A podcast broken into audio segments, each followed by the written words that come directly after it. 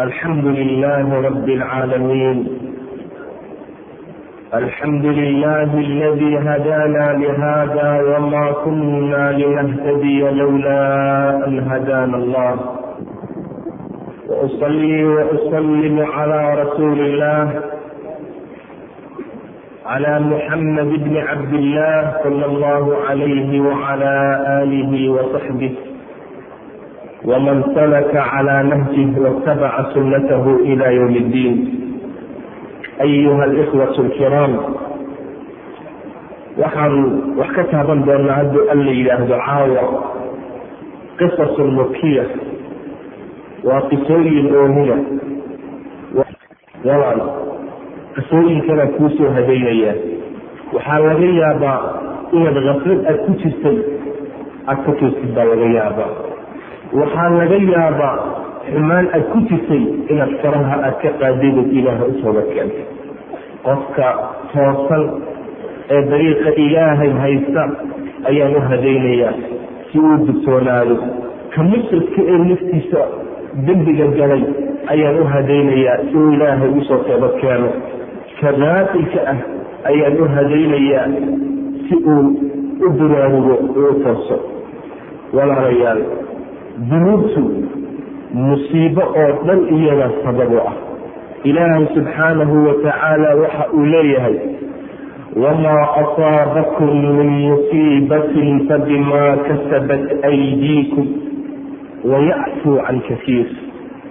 Musiibo inuma dhacda buu ilaahay hadda inagu dhacdo fabimaa kasabat aydiikum waa waxay qacmihiinu ay kasbadeen buu ilaahay leeyahay wayacfuu can kasiir ilaahay in badan buu inaga dhaafaya rabbi subxaanahu watacaala musiibada kugu dhacda wiilkaagu haddu gurso wiilkaagu caaq haddu kugu noqdo cudur hadday kugu dhacaan dibi waa fabimaa kasabat aydiikum waa waxay qacmihiinu ay kasbadeen ilaahay weliba wax badan buu rabbi inaga dhaafaya ilaahay waxa uu leeyahay dahara alfasaadu fi lbari waalbaxr bima kasabat aydi nnaas liyudiiqahum bacda aladii camiluu lacallahum yarjicuun ilaahay waxa uu leeyahay fasaadkii ayaa soo daahiray berigii iyo baxarkiiba fasaadkii ayaa ku soo daahiray waa dadku waxay kasbadeen ay qacmahooda ku kasbadeen buu ilaahay leeyahay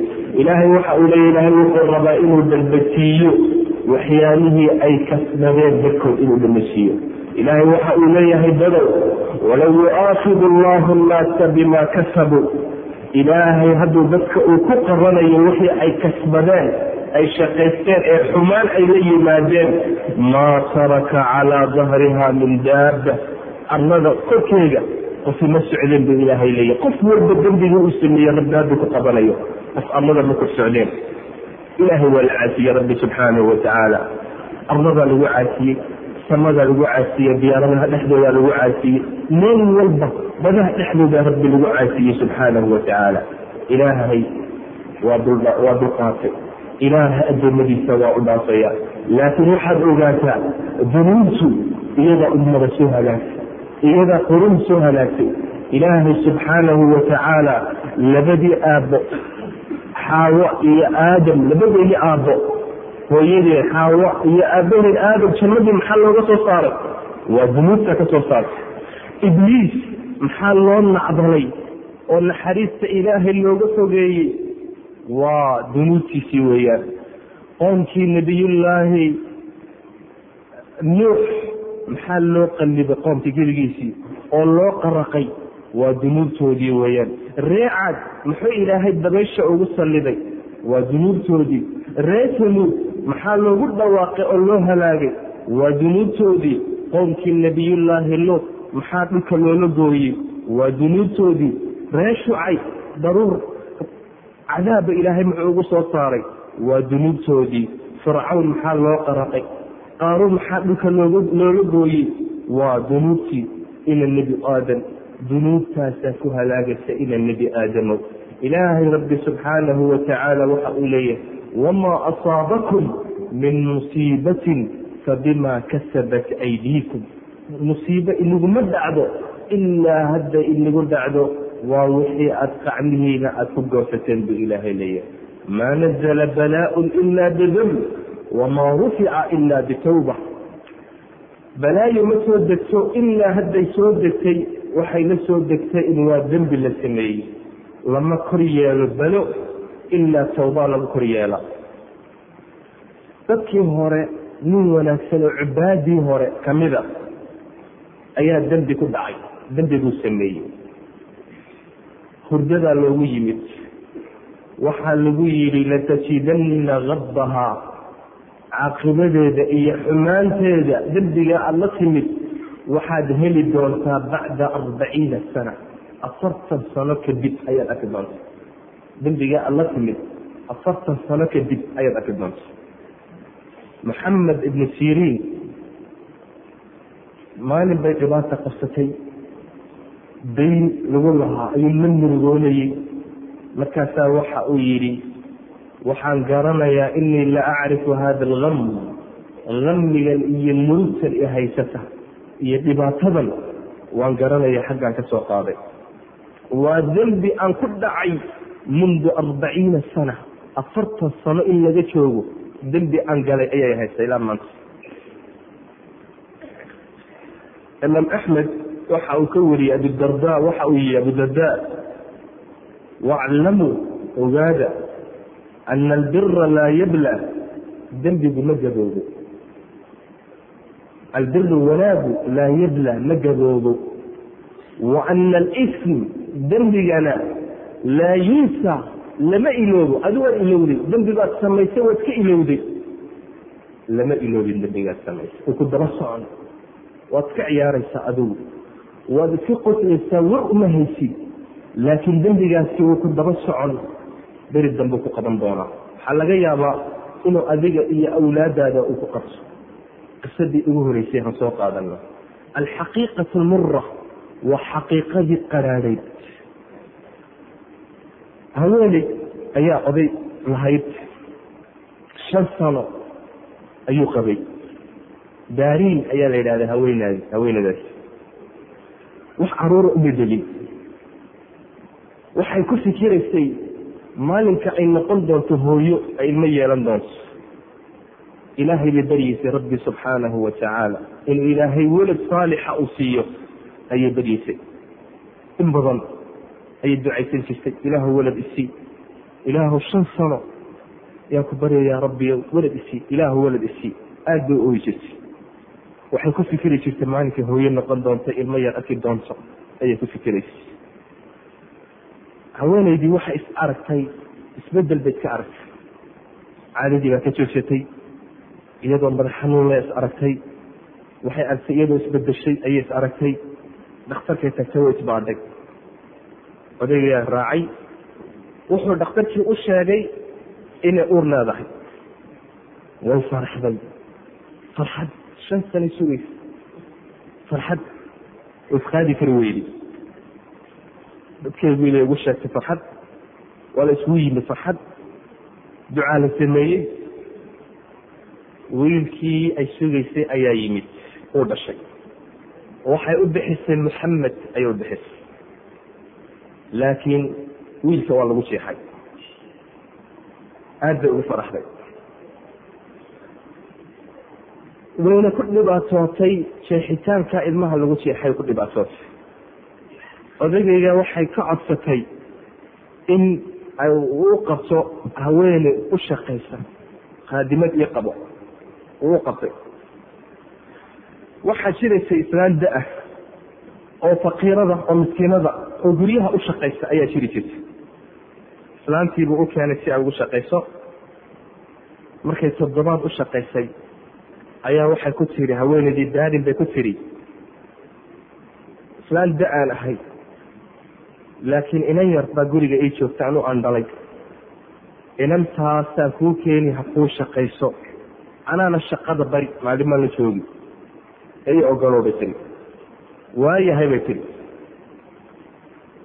sidiiba inanteedii yareed ba u keentay inantiibaa ay shaqada tusaysay labaatan maalimood ayay u shaqaynaysay.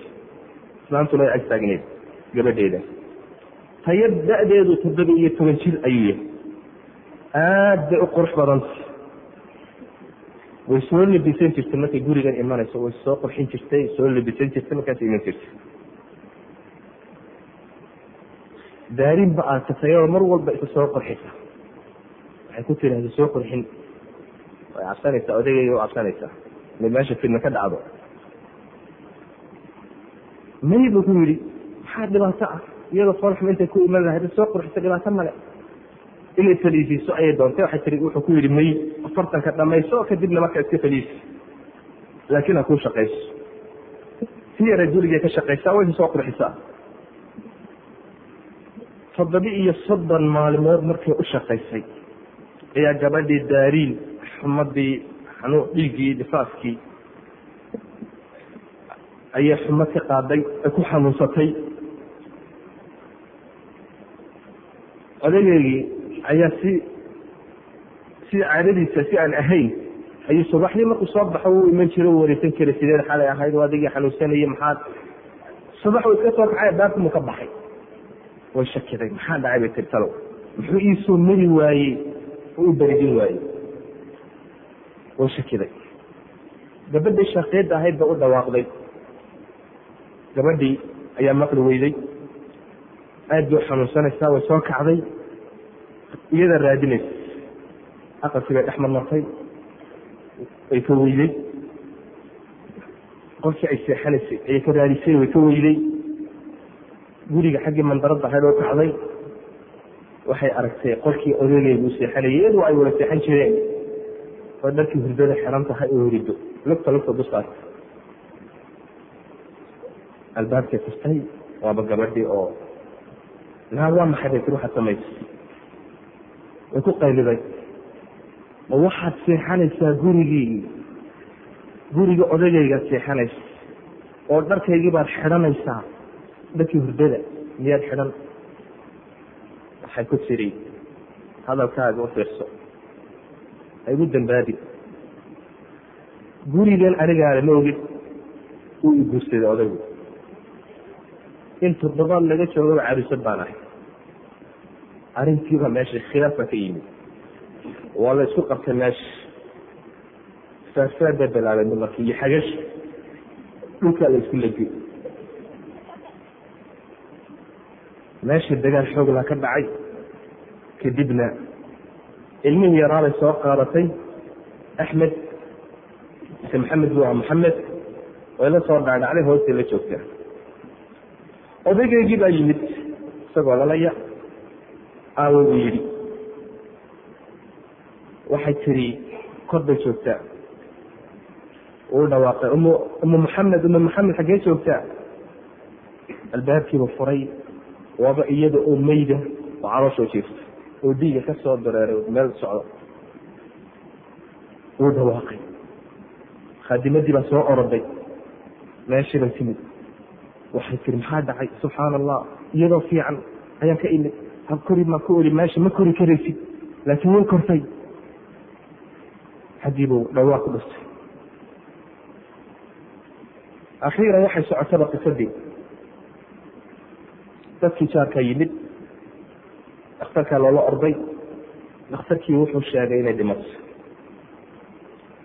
albaabka fardada albaabka ayaa meeshii laga jeexay ka gashay. Nabarkuna wuu furmay sidaasa ku dhimatay ninkii dhakhtarka ahaaba waxa uu yidhi miyuuna qonti la joogin markaas? May buu yidhi wiilkeyga yar maa la joogay maxamed. Waa qadar ilaahay baa la yidhi. Saasaa lagu aasay saddex maalmood kadib markii la aasay ayuu reerkoogii ayuu u dhawaaqay. Gabadha xaaskiisan dhintay uu ogeysiiyey. Gabadhiina way dhimatay ee kaalaya aabbaheed hore u dhintay ahayd. Hooyadeed iyo walaalkeed baa yimid. Waxay ku soo tashadeen inay wiilka yarna ay qaataan maxamed ay korsadaan iyaga u soo dhaweeyey. Inantii shaaqiyadda ahayda meesha taagan magaceegana jamaalaad baa la yidhaahdaa. Oo meesha joogta ayay aragtay islaamtu. Waxay ku tiri odayay ku tiri gabadhani waa ayo. Abu maxamedow waa ayo gabadhani waxa uu ku yidhi inahaa zawjati waa haweeneydeydii daarin iyadoo oo nool baan guursaday gabadhan. Ma sidaasaabay tihi haa way shakiday markaa. Waxay tihi gabadhaydii yaa dilay see u dhimatay. Waan ka shakisanaya habkaad iigu sheegtay inay u dhimatay. Gabadhan may joogtay. Haa gabadhan waan qabay laakiin lamay joogin maalinkaas. Qadar allah dushe tuushee dhaafka jeedhay naburkaasaa ku furmay gabadhii yaradda egtay caruusadii jigiidka ahayd waxay tihi maxamedow i dhegeyso ida kaanat alxaqiiqatu ikhtafat can ilmakhluuq xaqiiqadu hadday ka qarsoonaatay makhluuqan ay ka qarsoon tahay xaqiiqadu falan takhtafii can ilkhaaliq ilaaha khaaliqa ah ka qarsoonaani mayso weligaa ilo dembigan mow u male ina la iska iloobay laakiin ilaaha iloobi maayo. Waa ku daba socon arrintaasi ogow abu maxamed uma aaba yeelin arrintaas. Waxa uu yidhi kullu insaanin ya'kudu nasiiba. Qof walba nasiibkiisuu qaadan way dhimatay nasiib. Abu maxamed waxa uu doonay inuu sharaab iyo ushubo oo iska diiday islaantii. Way xanaaqsan tahay waxay tihi ilmahan korsanayna annagaa kaxaysanayna waayahay buu yidhi waxau ku yidhi bishii walba masruufkan keeni may bay tihi annagaa korsanayna adeerkii ayaa wiilka qaaday way baxeen. Haweenaydii shaaqeedda ahayd jamaalaad la odhanayey gurigii biilada ahaa ayay ku nimcaysataa ku dhex noosh. Marna dushay tagtaa marna hoos nolol fiican ayay ku noosh faqiirnimadii way ka raysatay. Xaalkeyguu wanaagsanaaday. Sanad kalaa soo maray si wanaagsan. Sanad kalaa soo maray si wanaagsan. Caruur bay u dhashay. Sideed wiil iyo saddex hablood ayay u dhashay. Waa imis koob iyo toban ayay u dhashay. Maalin walba qurux baa u diiraysay iskanada ahayd faqiirada oon waxba haysan nimcad bay soo gashay. Laakiin laakiin dembigu ma yara ilaahay addoonkiisa waa u kaadiya markuu qadsana kama siibto. Iyada oo nimcaddaa ku nool ayaa odageyga waxay ku tiri waxaan doonayaa inaan soo yaro dalxiisno in yar haweenaan soo yaro bedelayna magaalo kale nagee ha soo yaro dalxiisno. Waayahay buu yidhi. Baabuur ba ku qaaday way iyada iyo caruurteedii oo dhan koob iyo tobankiiba isagaana ku waday. Baabuurkii baa la qalimay gebigood waxaa ka badbaaday iyada iyo wiilkeygii weynaa ee curadka ahaa. Bes intii kale way ku dhinteen iyadii lafta dhabarka ayaa jabtay. Wiilkeygiina iyo gacantii iyo madow ka jabay laakiin waa iska fayooya. Markii ay soo miyirsatay ayaa waxay ogaatay in caruurteedii inankaas uu ka nool yahay. Tobankii kale inay dhinteen ayay ogaatay iyadiina waxaa ku dhacay dhinac baa baktiye baaralize baa ku dhacay. Saddex sano ayay dhakhtarka ku jirtay. Wiilkaygii laba bilood ba ku jira o ka soo baxay. Noloshiiba hadda ku culusaatay waa la bilaabay. Dembigii baa bilaabay. Waxay ku socotaa waa kursi yaa lagu wadaa. Dadka laga laxaad kale kursiga ay raacaan ay ku fadhiistaan ayay ku socotaa wiilkeegii ayay ku tiri ii kaalay dhakhtarkan ka soo baxe. Eh baabuur buu soo kaxaystay. Isagana waddada markuu soo socdo baabuurkii la rognado isaguna wadaduu ku soo dhintay wax u yimaada way weyde waa keligeed. Laakiin lacag baa leedee la soco dhakhtarkii ayaa reerkoogii bay raadiyeen aabbaheed iyo walaalkeed baa yimid si ay u qaataan. Waxaa yimid maxamed maad garanaysaan maxamed waa wiilkii oo odageyga uu dhalay. Ayaa yimid si dhaxalkii aabbihii uu xoga qaato. Waxaa la socotay macoydi ayaa la socotay. Islaantii dhashay daariin gabadhii meeshay soo taagan tahay waxay tidhi markay islaantii aragtay ayay xasuusatay inay dembi gashay waxay ku tidhi habar yar maad xasuusanaysaa hadalkaagii aada igu tidhi idaa ida alxaqiiqatu ikhtafat can ilmakhluuq xaqiiqadu hadday ka qarsoon tahay makhluuqa dadka ay ka qarsoon tahay ilaaha khaaliqa kama qarsoono maxaasanta haabay tidhi. Waxay tidhi saamixnii ana alatii qataltu daariin gabadhaadi daariin anigaa dila isaamax ilaahay waa kan ii qabtay caruurtaydii oo dhan waan waaye anigana dhabarkaa la iga jebiyey noloshaa qadhaadh baan ku noolahay isaamax islaantii way ooyday waxa ay tidhi ilaahay nolol xun ha kugu noolaysiiyo aakhirada ha kugu cadaabo waxay tidhi odageygii waan waayey awlaadaydii waan waayey shabaabnimadaydii caafimaadkaygii waan waayey in yar u isaamax islaantii iyadoo cadhaysan oo ooyeysa ayay ka baxday. Jamaalaad xajila reerkoogii la joogtay. Aabbaheed baa dhintay. Walaalkeed ayaa u hadhay. Lacagtii yaraydeed soo dhaxashayna isagaa ka qaatay khamru ku cabbay uu ku zinaystay isagiina akhiiran si xun buu dhintay. Jaarka ayaa lacag u soo ururin jiray sadaqadaa la siin jiray jamaalaad. Keligeed ayay ku nooleed maksin yar oo cidhiidhiya. Cidlay ku dhimatay. Waxaa lagu gartay dhimashadeedii meydkeygii ayaa meesha ku qurmay. Markaasay jaar jaarkii uriyey meydkii cadaabka aakhirana waa ka daran yahay. Dembigu waa sida.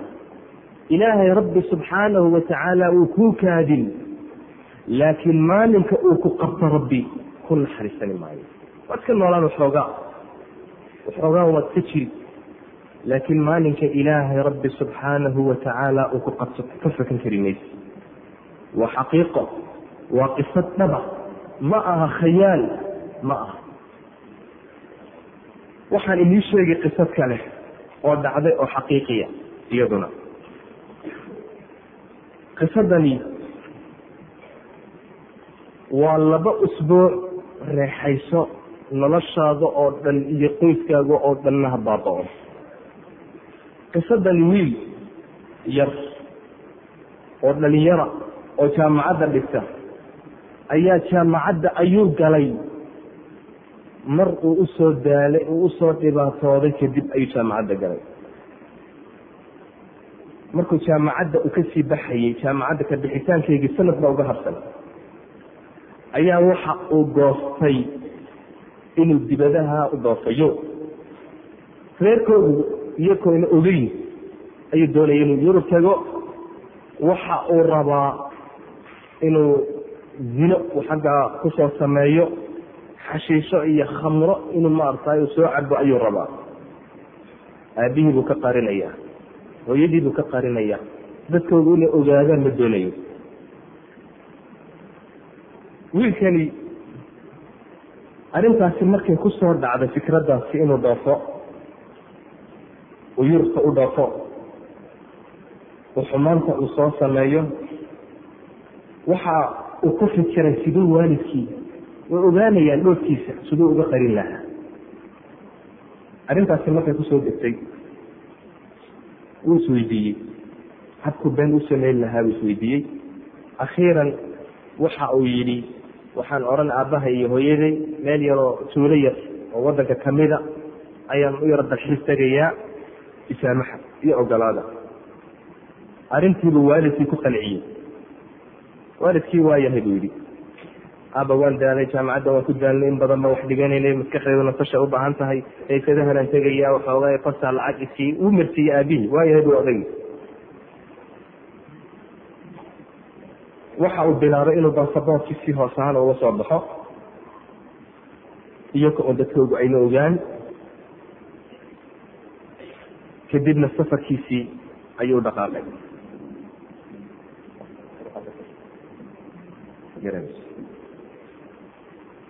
lacagtiina aabbihi uu siiyey waxa uu yihi laba toddobaad umaan kaa maqnanaya aabo laba toddobaad kadib oo iman.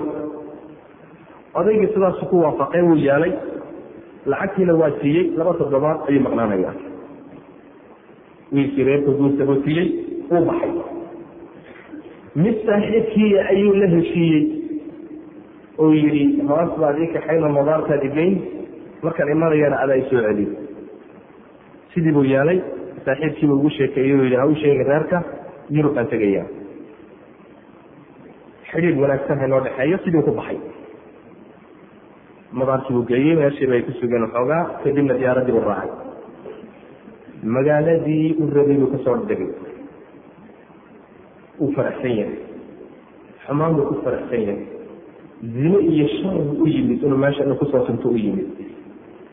Markii uu meesha yimid hoteelkii uu ku soo degay uu rabay. Uu jirkii hore u maydhay. Inuu hore u baxu raba caawaba inuu ka faaidaysto rabaa waktiga isla markiiba wuxuu codsaday in khamro loo keeno. Wax khamradii baa loo keenay gabadh yar ayaa u keentay. Aada u qurux badan tima dhaadheer ayaa u keentay.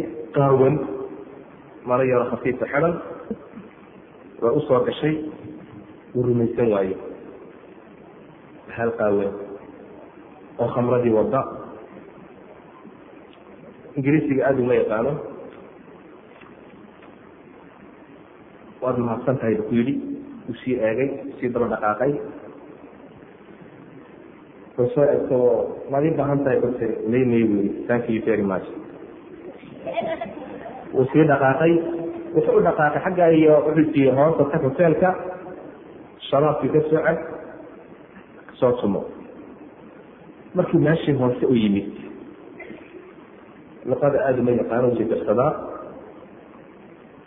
khamradii baa loo keenay meesha waa boqol fudaygo kale midaba ayaa meesha waa la ciyaarayaa waa la daansayaa waa waxbaa socda. Meeshii u soo degin gabadh baa u timid. Uu u maleynaya tii inay tahay aada u qurux badan tii baa la fadhiisatay waxa uu ku yidhi na tii markii hore ma tihid? Waana habeen waa isbedeshay hadhakii umaan bedelay bu ku yii ayay ku tegi waa u sheegtay waxay ku tiri anu dadkaan raaligeliyaa sharafkan u keenaa waxa u baahan yihiin o dhan baa siiyaa si hoteelkan qofka uu mar walba u yimaado. Xaggii waa habeenkii o dhan kula soo jeeday.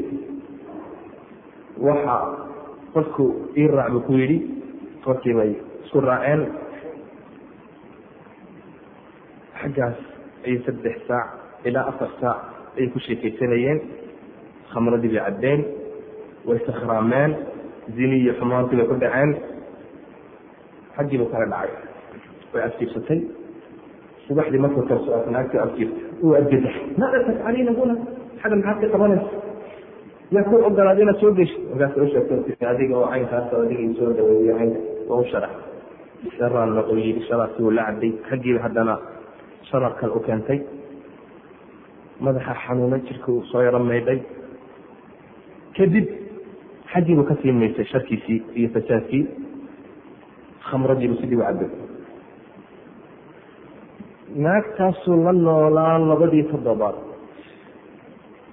Khamraduu cabayey zinadaasu ku dhacay xashiishadiiyo wax walba soo jeedbu waktigiisu ahaa laba toddobaad buu sidaa ku dhamaystay subaxdii uu noqonayo labada toddobaad ay u dhamaatay ayuu gabadhii ku dul ooyey isku dul ooyey nina ku dul ooyey. Waan kuu soo noqon doonaa iyo kadib maalmo makaa maqnaa iyaduna ku dul oyday wadankiisibu ku soo noqday. Isaga oo faraxsan sharkii uu ku dhacay ku faraxsan xumaantii ku faraxsan gabadhii quruxda badneed ku faraxsan. Ayuu yimid saaxiibkiiba madaar ka soo kaxeeyey basaboortkii meel iska dhigay hooyadii aabihii wuu yimid sheeke caadiya oo meesha iska ficneed wadankeedu qurux badan yahay. Xaggaas ayuu ka mid jaamacaddii buu ka baxay ninkii. Kadib shaquu helay wuu shaqaystay. Waxa uu yidhi waxaan doonaya aaba inaan guursado hadeed naagtii iyo hoteelkii maskaxdiisa kama bixin mar walba wuu ku fikiraa si uu isku ilowsiiyo ayaa waxa uu siid iska guurso. Laakiin ogow ilaahay rabbi waa u cadhaysan yahay rabbi subxaanahu watacaala dembigaana waa loo qabanaya uu ku reexaysanaya xataa qofku hadduu dembi uu ku dhaco waa inuu ka murugoodo dembigii maskaxdiisa inuu siiyo. Inaad mar walba aad soo ceshatid ma aha. Waa ka murugoodo. Inuu ka murugoodo qofka isagu waa soo ceshanayaa gabadhii oo la hadhadlaysaa lagu qoslaysaa isagoo xumaantii samaynaya isagoo khamradii cabaya wixii oo dhan. Wuu guursaday. Waxa uu guursaday gabadha adeertii adeertii u dhalay ayuu guursaday.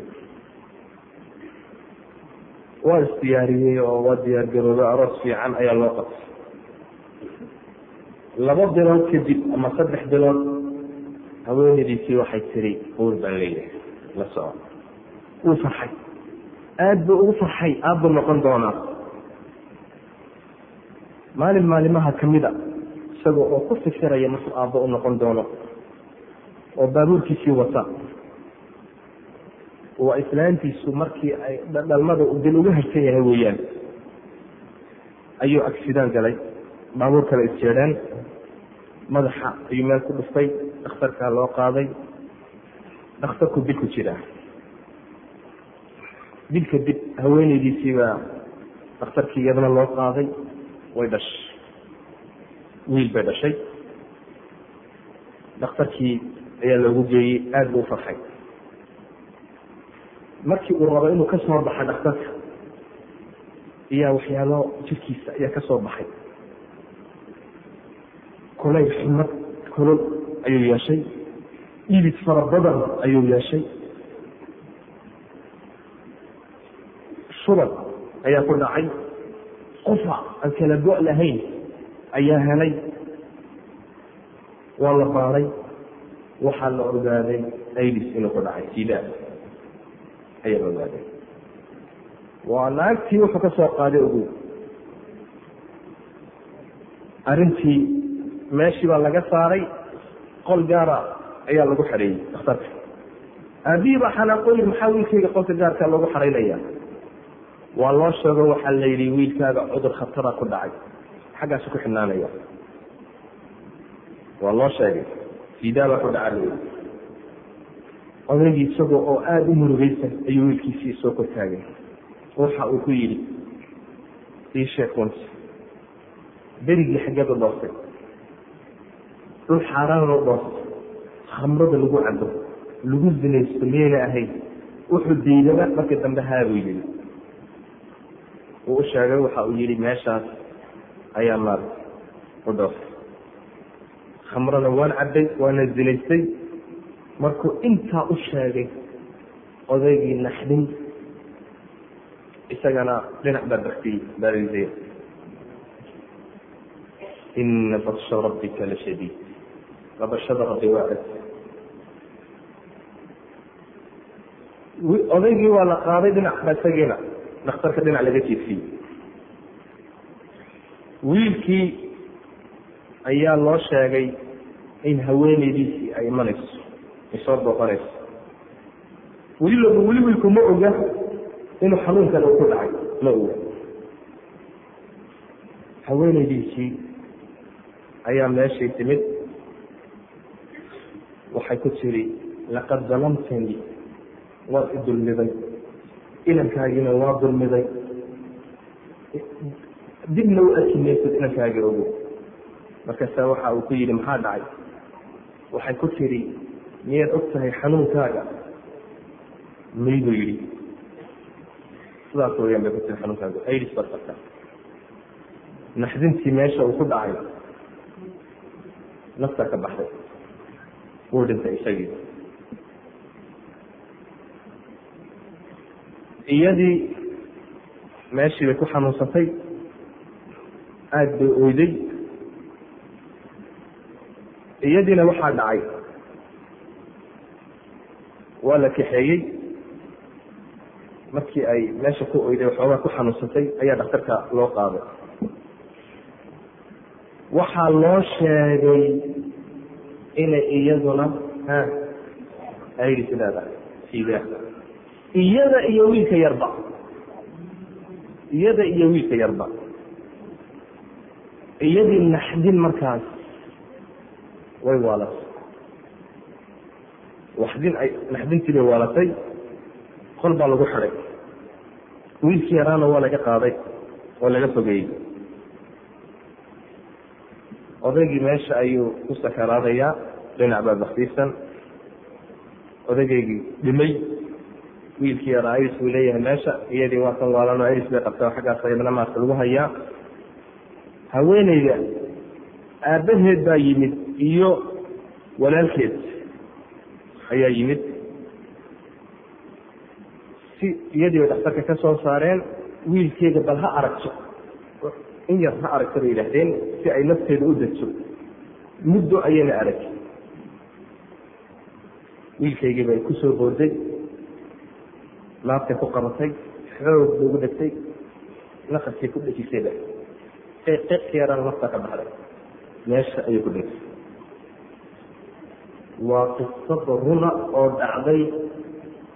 Dadkii u taagnaa ee qisadani ka dhacday ayaa qoray oo warinaya wiilkii yaraana xaggaas ayuu ku dhintay. Iyada oo qoslaysa marna ooyeysa ayuu odaygii doona inuu ka qaado wiilkii yaraa waxay ku tiri maata laqad maata uu dhintay uu dhintay ho ilmi yaraayo meyga kadibna midi bay ula baxday odayga waa u hanjirtay aqalkay kortay way isku soo xidhay maruu xadda iyo xari ku xidhay waysa soo sodhay xaggaasa iyadiina naftu kaga baxday.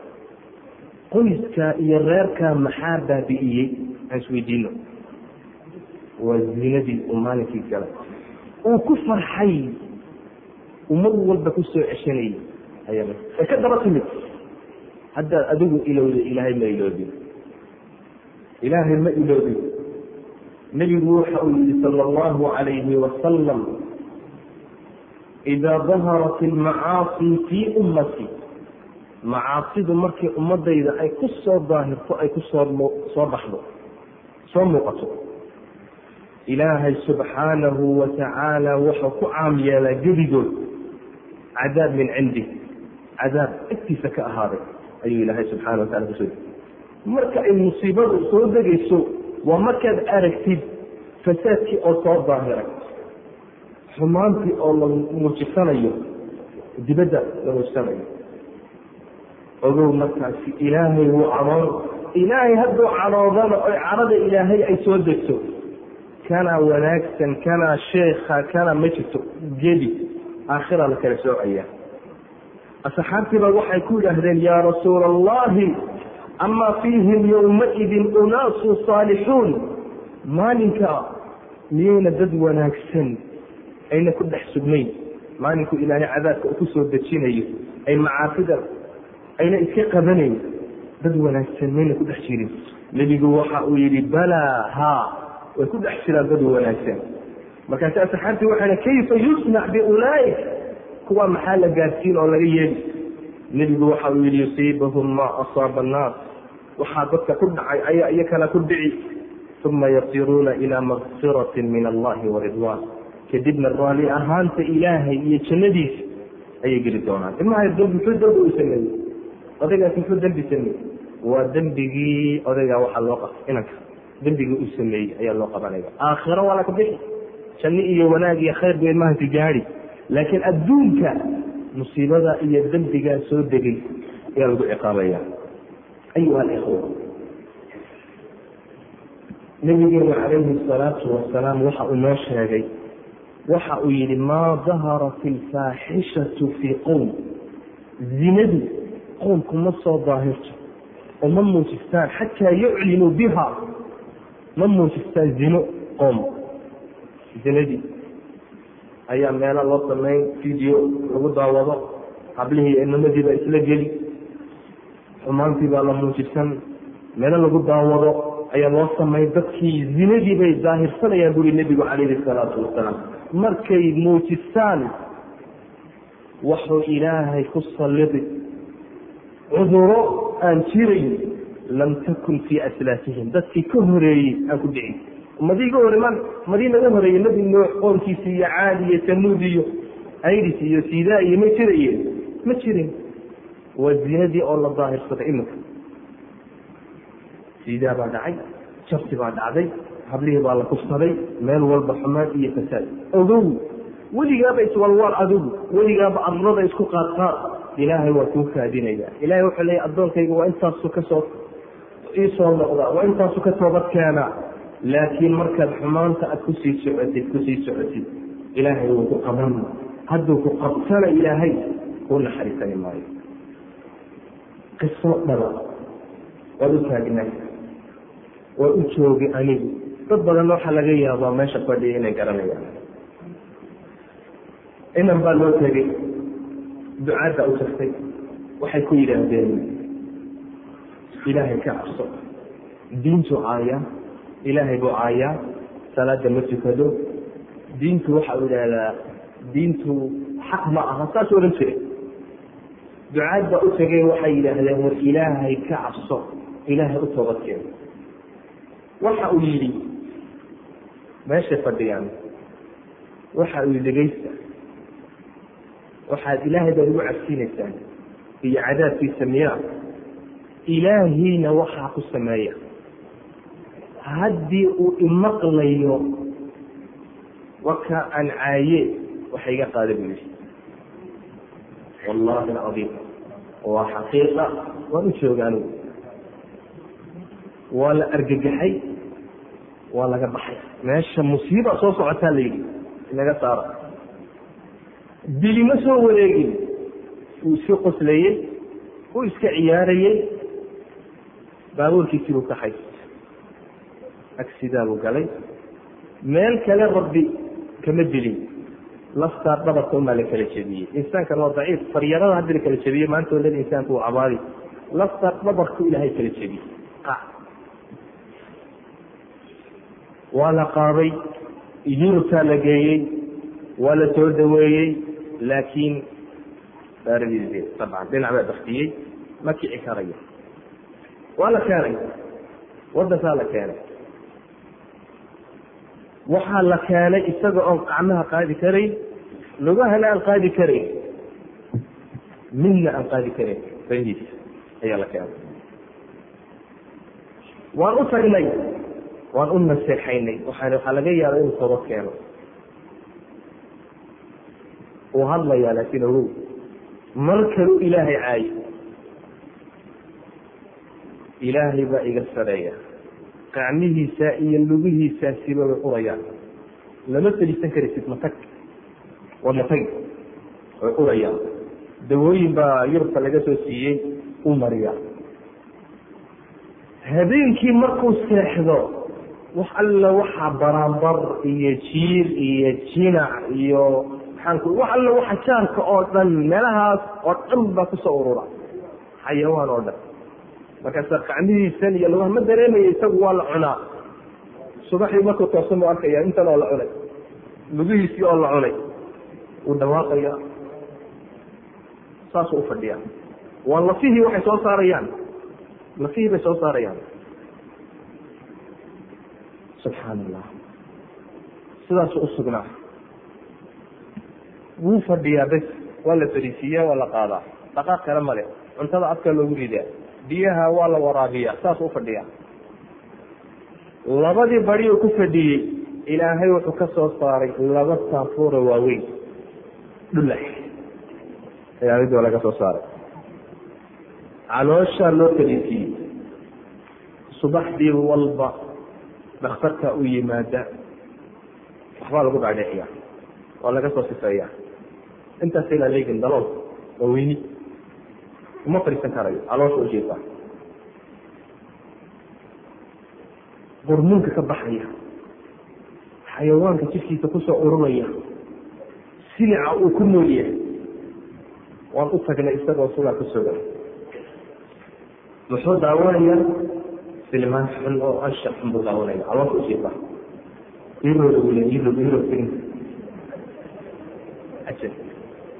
yani waxa weeyaan waa xaaladtii ugu dambeysay ayay ku sugnaay silic cuntadii kama dhaadhici karayso wuxuu sida uu ku sugnaadaba markii dambe hooyadii buu beryi jiray dadkii qaraabadiisa way ka tegey gabadh guriga uma shaqayso guriga gabadhii guriga ka shaqaynaysa way ka tagtay waa la tagayaabay tiri guriga o dhan baa uraya hooyadii baa ku soo hadlay. Xataa walaakii u ka tegey xataa walaakii uu ka tegey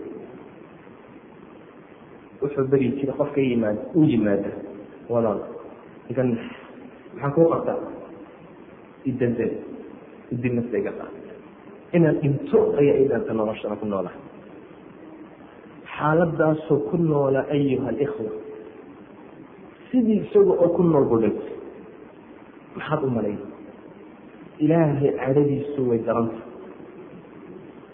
waxaa dhacay waa qisa xaqiiqiya. Waxay ka dhacday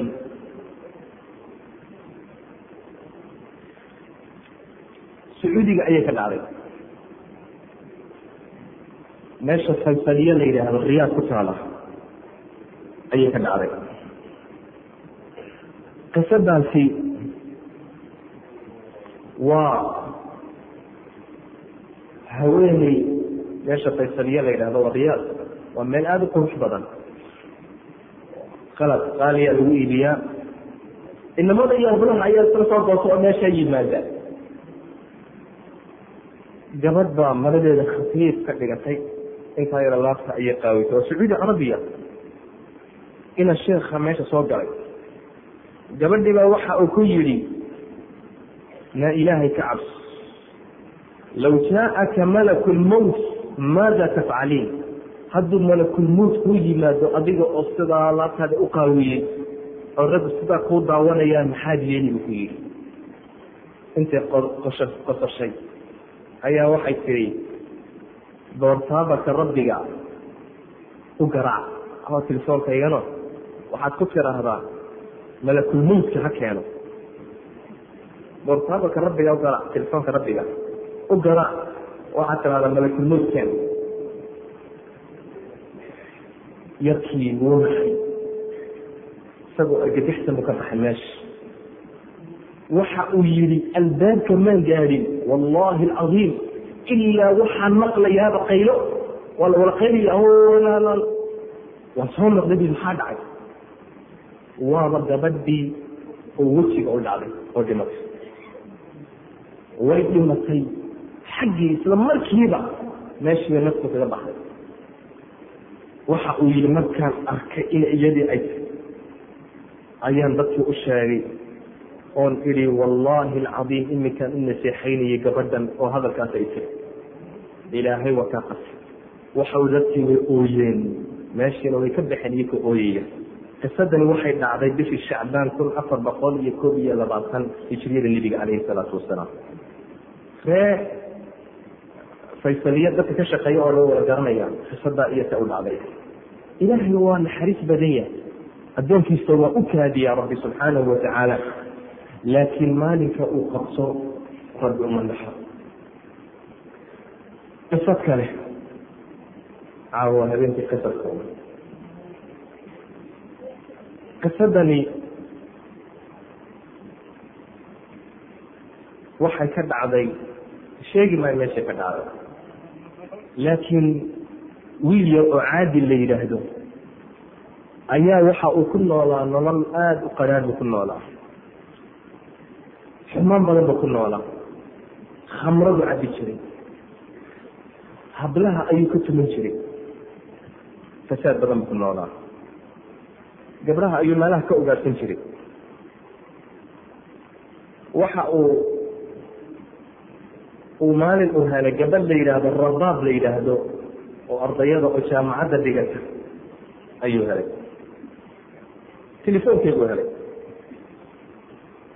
Wuu u telefooniyey wuu la hadlay si wanaagsan ba u sheekaysteen hablaha intuu sidaasoo kale uu yeelo ula hadlo. Ayuu marka dambe kuula ballamayey oo xumaan buu ku sameynayay gabadhan iyadu way khashiftay oo waxay tihi may arki maysa telefoonka ama ku sheekaysanna weligee lacag badan bay kaga dhamaysay telefoonka. Maalin walba garaaca way u sheekaysaa bis laakiin inuu la ballamo way iska diiday markii dambe waxaa ku ku gursadaan rabaa xumaan ma rabo waxaasu kutuu akriyey waxa uu ku yidhi guriga aan kuu diyaariyey iyo xamaanta aan iibiyey kaale soo arag haddaad beenta moodeysa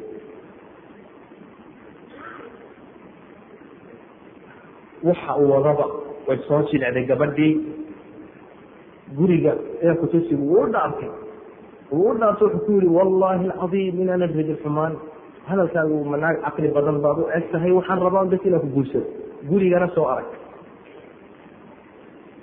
Maalin subaxa gabadha kuliyadda dhigata jaamacadda dhigata aabaheed baa subaxdii sii qaada duhurkiina isagaa soo doona saasay ku noosha aabaheed baa sii qaada mar walba aabaheed waa oday aada u daran oo adagyahay rabaaq subaxdii markuu odaygii meeshii u dhigay ayay kula balantay inanka waxay tiri meesha igu taalay kuliyadda horteeda. Meeshii buu ugu yimid uu kaxeeyey meeshii buu la tegey. Guriguu tutusay ay kalasteen isaga iyo asxaabtiisa qaar bay asxaabiyiin gurigii uu tusay. Waa kan yiri gurigu adigaa iskale adaan kuu guursanaya xumaan ma rabo waa kan nadiifta ah waa kan sidana waxaan oo dhan adaad tiraada axmaanta liga bedelo kaa bedel xaggu ka waday. Gabadhii wuxuu wadaba wuu ka tuntay bes waxa uu ku yidhi sharaab baan inoo soo qabano waa soo noqon iski yara joog aqalku dusha kaga sii qufulay baabuurkiisuu ka haystay suxun buu waday. Hayga harstaan bay tiri aabbahe baa soo doonayay oo waktiguu imanayay ayaa soo dhawey xoog buu u waday. Mukhaalafuu sameeyey waa la qabtay. Talaatiigii baa qabtay oo ay kaxeeyeen baabuurkaa lagu riday waa la xidhay. Mustaax isaga haysta gabadhiina meeshay ku jirtaa. Mid saaxiibkiiyo oo mustaax haysta isaguna isaguna hablaha soo ugaarsada oo meesha keena ayuu u telefooniyey wuxuu war hee gabad baa ka tunto caynkaasoo gurigii baan ku xidhay oo anigana waa la xidhay iyadana aabaheed baa u imanayo kuliyadiiba tagay tahay. Bal de gabadha hore orotagoo ka fur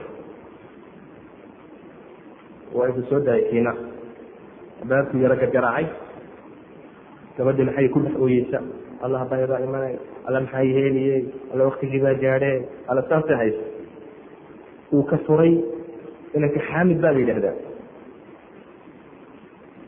markuu ka furay muxuu arkayba waa walaashi. Gabadhani waa walaashi. Xaggiibu naxdin iyadiina naxdin xaggii baa waxa uu yidhi ma xumaan baad keentay.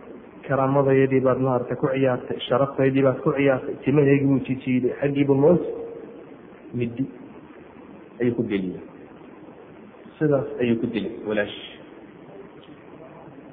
isaga maxay tidahdaa god god ha haddaad qodid dheereyn haddaad dheereysid inaad ku dhici doontidna mooyaane.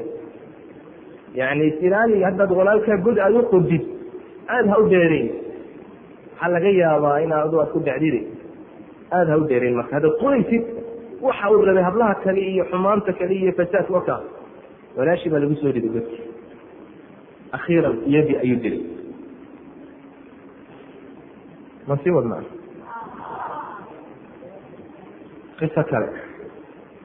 Qisooyinkan waxaan u sheegaynaa waxa weeyaan in lagu waanto lagu waansoobo wax lagu qaanso. Qisadani waxay ka dhacday iyaduna waa tan oo kale waa u dhow yahay laakiin ninkan waxaa la yidhaahdaa magaciisa saalix baa la yidhaahdaa. Waa nin ganacsata oo shaqaysta oo taajira. Isaga oo u socday meesha iyo suuriya ayuu socday xalab dariiqa isaga oo ku jira ayaa baraf badan ayaa soo da'ay. Dariiqa uu sii marayey ayaa la mari karay barf awgeed. Waxa uu yidhi guryahan dariiqa ka sii sii maraysa guri ku leexo oo iska naso ku naso. Caadada waddadaana waxa weeyaan waddada dadka degan dadka way ku soo leexdaan way la cunaan way la cabaan masi geliyaan lacag yarbasiiyaan saasay maarata subaxdan ku baxaan. Meeshana hotel ma jiro guriguu ku soo leexday marka. Gurigii ayuu ku garaacay way ka fureen. Waxa uu ku yidhi meesha dee wadadii barf badan baa ku da'ay. Habeenkuna waa madow yahay inaan ku nasto meesha lacag yar ina siiyo ayaan rabaa waayo ay la yidhahdeen soo dhawow waa laba maqsin wuxuu ka kooban yahay gurigu.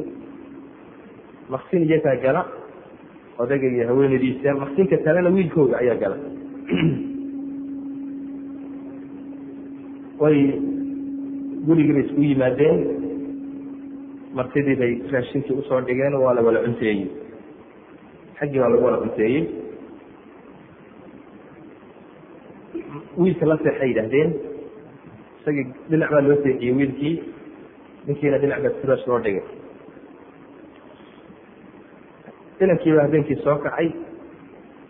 Waxa uu la sheekaystay ninkii martida ahaa habkuu ganacsada u ganacsato habku u shaqayso waxaasoo dhan siduu meeshii inankii ula sheekaysanayey ayuu meeshii ku gamay. Ninkii martida ahaa furaashkiisiibuu ku gamay meeshii buu seexiyey furaashkiibuu maradiibuu huwiyey isna furaashkii inanka ayuu iska tixray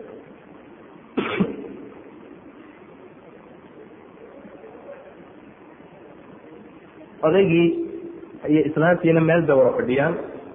Islaantiiba waxay tii waryaahe ilaa xilli ma uman faqiirnimo dad faqiirina ahaanayna oo sida masaakiin u ahaanayna maanta waxaa inoo yimid nin lacag leh. Ayaa inoo yimid. Waa nin lacag leh. Qofna inama arkayo. Waa inaan maanta ninkan aan dubanaba. Waa inaan dilno oo xoolihiisaa qaadano. Lacag badan buu haystaa waa adiga arkaya waa inaan dilno waxay wadaba wada wadaba way ku dhaqaajisa meeshu triig male faynus baa la shitaa waayahay waa adigii in isaga dhinacaas asbicisay inanka iga dilin bay tiri. Adigii naftidana dhinaca jeexiyey bahal saasu soo qartay idmoo daba socota. Waa sak dhexe. Dee wuu bilaabay. Intuu iska taagay inuu madax. Mana arkayo madaxiisi markuu yaro ogaaday wuu ku dhufto waa qisa runa. Xaggiibu ku dilay. Qayladii iyo wixiibu ninkii martida ahaa saro kacay. Tariigii iyo wixii baa la shiday. Kii martida meesha fadhiyo kay dileenba waayo. Waa musiibo. Maxay sameeyen labadiiba meeshii bay ku suuxeen labadiiba yaa isagaa bilaabay inu biyo ku rasho ida maxaa dhacay? Maxaa inankiis inankiina u disheen walaa yaxiiqu makru sayi ila biahli xumaantu adigu maisgu noqon. Xumaantu adigu maisgu noqon. Salaadii baa gaadhay. Qisadana ugu dambaysa. Waxaa soo socda maalinkii avril ee ciyalku beenta sheegayeen ayaa soo socda ma? Maalinka ayaa beenta xalaaleeyey been xalaali ma jirto. Ma jirto been xalaali. Beentu mar walba waa xaaraan islaamka. Maalinba male. Beentu mararka qaarkood qof bay dilaysa islaamba inan kuranta ayay lahayd inankeygii ayay jaamacadda u dirtay mar walba way ka fikirtaa inankaygii xilmu soo noqon. Waa inankaasi quranta waxay leedahay ogow mar walba waxay ku fikirtaa xilmu inankaygii iisoo noqon. Ayay ku fikirtaa. Waa u xistay inankayga axmed baa la yidhaahdaa. Laakiin waktigiibaa soo dhow soo noqonayey way faraxsan tahay iyada oo sidaa ugu xistay oo faraxsan oo waktigu imanayay telefon ba markuu ciyada way ordaayo axmed baa bay tidhaahdaa sak dhexo telefon u yimid. Telefoonkii bay qabatay. Anu axmed baa xilimaad imanaysaa waa wiil yaroo la kastamaya. Waxa uu ku yidhi waxay ku tiri waayo. Waxa uu ku yidhi inankaagii axmed baabuur baad jeeday oo wadhis oo ka yar islaantu ka nixinaya. Islaantii meesha ku dhacday way dawaqday dhakhtarkaa loo qaaday. Jajabkaa la geeyey meeshii baa loo qaaday dhakhtarka. Dhakhtarkii muddo taalay xaaladeedu aad bay u darnaa inankii baa yimid axmed telefoonkii hooyadii ka qaban weyday dhowr cisho markii uu yimid. Markaasaa si uu hooyadii uga farxiyo si kedisa ugu soo baxo waa loo sheego waxaa la yidhi hooyada dhakhtarkay ku jirtaa baabuurkii buu qaatay xoog buu eriyey si uu hooyadii u ogaado. Aad buu ugu fikirayay hooyadii. Baabuurkii uu watay ayaa la rogmaday isagiina wuu dhintay dhakhtarka ayaa isagiina loo qaaday islaantii baa soo miirsatay waxaa loo sheegay wiilkayga inuu yimid oo iyada u soo ordayey uu baabuurkii la rogmaday uu dhinto oo meydka inuu yeelo qaybta meydka naxdinba iyadiina dhimatay caawina dhimashoohiya dacwadeeda inta caawa noogu ekaado been ma jirto banaan. Been banaani ma jirto maalin la beneeyey ma jirto. Beentu waa xaaraan waa xaaraan. Dembiguna wuu kaa daba iman. Adiga haddu ku qabsan waayo adiga iyo awlaadaada iyo tafiirtaada dambu ku qabsan. Wajazakum allahu khayra wsala allahu cala sayidina maxamed asalaamu calaykum waraxmat ullahi wabarakatu